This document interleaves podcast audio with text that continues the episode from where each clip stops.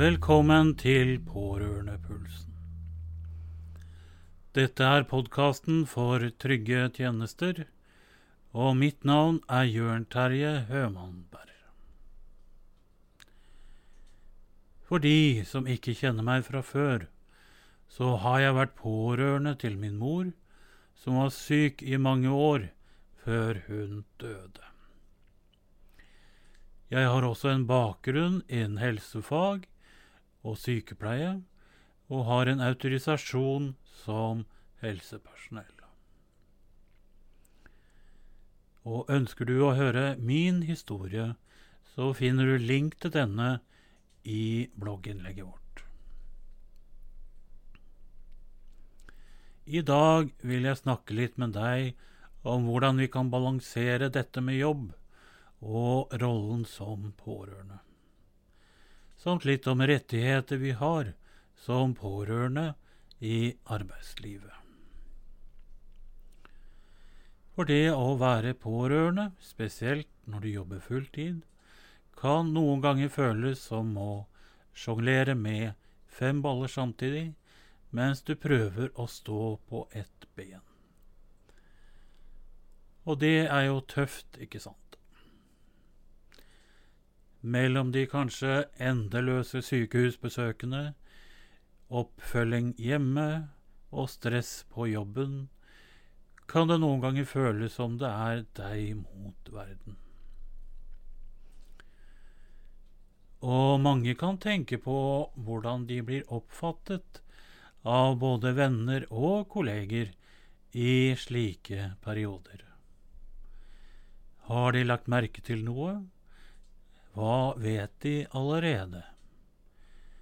Hva vil de si? Noen kolleger, de fantastiske, støttende typene, vil kanskje legge merke til at det er noe som tynger deg, og tilby en hjelpende hånd.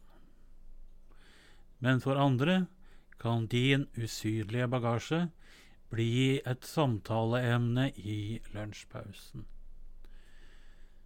Så hvordan takler du det? Når du er hjemme, så bruk noen minutter på å skrive ned om du vil fortelle, og eventuelt hva du vil fortelle.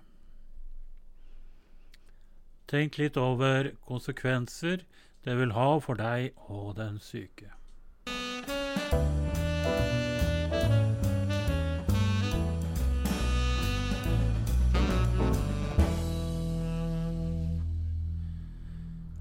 Noen syns det hjelper å være åpen, at de blir møtt med en annen forståelse på arbeidsplassen. Noen syns det er skummelt, og at det gjør dem mer sårbare. Her må du bare finne hva som kjennes riktig for deg og dine. Når du får skrevet det ned, så er det som å rydde i den tankeskuffen der. Dessuten kan du ta det med på jobben og se på det om usikkerheten kommer snikende.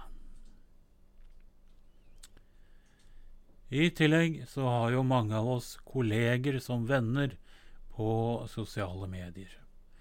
Så vi bør tenke over hva vi deler der. Og selv om det er opp til deg, så kan jo litt åpenhet skape en bro av forståelse. Du kan fortelle kollegene dine nok så de forstår, men beholde privatlivet ditt hellig. Det kan være en lunsj med kolleger der du forklarer litt, eller en enkel samtale over en kaffekopp. På arbeidsplassen vil vi jo komme borti forskjellige typer.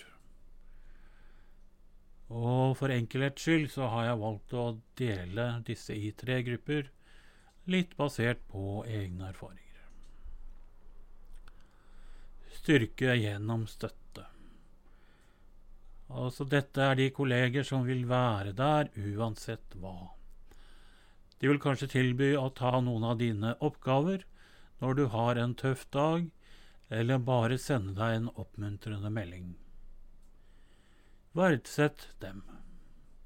Gi dem en takk, en klem eller bare et smil.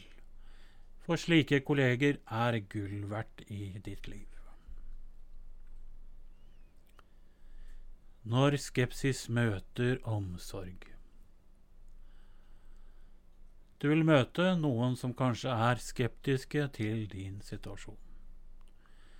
For eksempel så kan de jo snakke om at han eller hun er alltid så distrahert.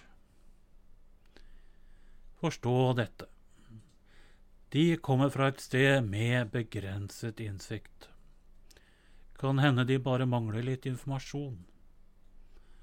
Kanskje en liten prat kan forandre synspunktene deres. En forklaring, en historie, en oppdatering. Husk nå det du skrev opp hjemme, og del bare det du er komfortabel med.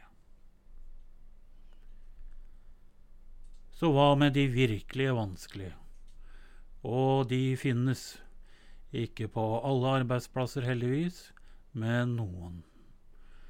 Og dette er de som bare ikke gir seg, og de gjør rett og slett livet litt ekstra surt. Og jeg tror du vet om typen jeg tenker på her. Kjære venn, her er et råd fra meg til deg. Ikke la dem stjele din hverdag. Du vet sannheten om ditt liv, din kamp, din styrke. Hvis ting blir for tøffe, er det ingen skam i å ta det opp med f.eks. din leder, eller du kan diskutere det med ditt fagforbund. I blogginnlegget vårt finner du også en link fra Arbeidstilsynet angående mobbing på arbeidsplassen.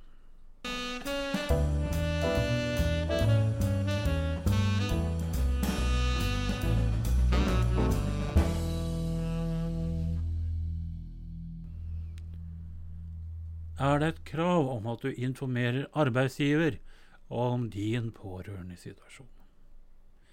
Lovmessig nei. Men tenk litt på at om arbeidsgiver kjenner din situasjon, så kan det være lettere å få permisjon eller fri ved behov. Det kan også gi muligheter som tilpassede arbeidsoppgaver, eller kanskje reduserte arbeidskrav for en tid. Her er det veldig forskjellig praksis som brukes ute i arbeidslivet. Og når det gjelder dette med permisjon, så har vi laget en oversikt du kan laste ned i blogginnlegget vårt.